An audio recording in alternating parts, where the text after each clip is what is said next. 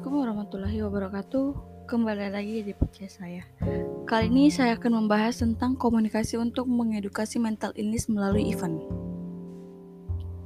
Masalah kesehatan mental di Indonesia semakin meningkat dengan berbagai faktor biologis, psikologis, dan sosial dengan keanekaragaman penduduk. Kementerian Kesehatan Republik Indonesia memberikan informasi bahwa kesehatan jiwa merupakan salah satu permasalahan kesehatan yang signifikan di dunia.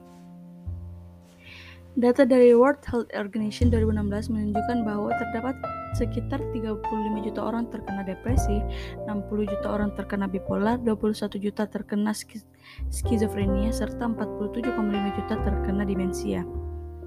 Jumlah kasus penderita penyakit mental diprediksi akan terus bertambah hingga berdampak pada penambahan beban negara dan penurunan produktivitas manusia untuk jangka panjang. Kemkes 2016 Diketahui bahwa lebih dari 57 orang di Indonesia dengan disabilitas psikologis Ayuning Tias dan Raihani 2018. Berdasarkan data terdahulu pada tahun 2015, data Badan Pusat Statistika BPS menunjukkan bahwa kasus bunuh diri yang terjadi di Indonesia mencapai angka 812 kasus. Pada tahun 2018 tercatat bahwa sebanyak 13 juta keluarga atau sekitar 20,24% dari seluruh keluarga di Indonesia yang memiliki penderita gangguan jiwa. Juniman 2018. Minimnya kesadaran dan pengetahuan masyarakat mengenai kesehatan mental penting untuk ditanggapi melalui komunikasi edukasi, baik secara formal maupun non-formal. Beberapa bentuk intervensi yang dapat digunakan dalam dunia psikolog, baik secara individual, kelompok, ataupun komunitas. Pada setiap intervensi yang ada, memiliki pendekatan masing-masing dalam pelaksanaannya. Salah satunya adalah psikodukasi yang dapat diterapkan secara individual ataupun kelompok. Namun di Indonesia intervensi psikologis belum banyak diterapkan. Hal ini menjadi salah satu penyebab bertambahnya jumlah masyarakat yang mengalami gangguan kesehatan mental di Indonesia.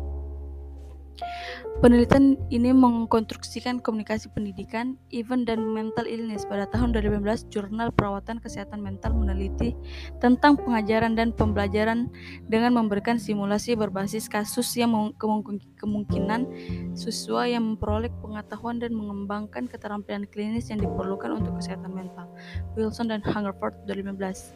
Pada tahun 2016, 2016, Jurnal Komunikasi dalam Layanan Kesehatan meneliti tentang pengetahuan penggunaan materi, materi pendidikan kesehatan melalui film. Moran Frank Kittredge, Murphy and, and Bescon Garbanati 2016.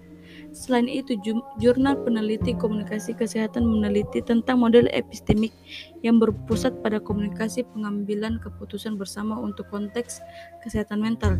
Mikesel Bromley, Young, Ivona Enzima 2016. Pada tahun 2018 terdapat jurnal penelitian pameran dan kesehatan yang meneliti tentang pameran seni sebagai terapi kesehatan mental di mana seni diterampilkan sebagai acara komunitas untuk meningkatkan inklusi sosial dan memfasilitasi percakapan positif tentang kesehatan mental. Harris, Burnett, and Bridgman 2018 Jurnal Kebijakan Pendidikan pada tahun 2019 meneliti tentang krisis kesehatan mental di mana kebijakan untuk mengatasi kesulitan kesehatan mental anak-anak ditangani melalui serangkaian intervensi kebijakan dengan pendekatan di sekolah Burn and Carr 2019. Mungkin cukup uh, podcast saya kali ini. Uh, jangan lupa untuk selalu mendengarkan podcast dari saya. See you guys. Wassalamualaikum warahmatullahi wabarakatuh.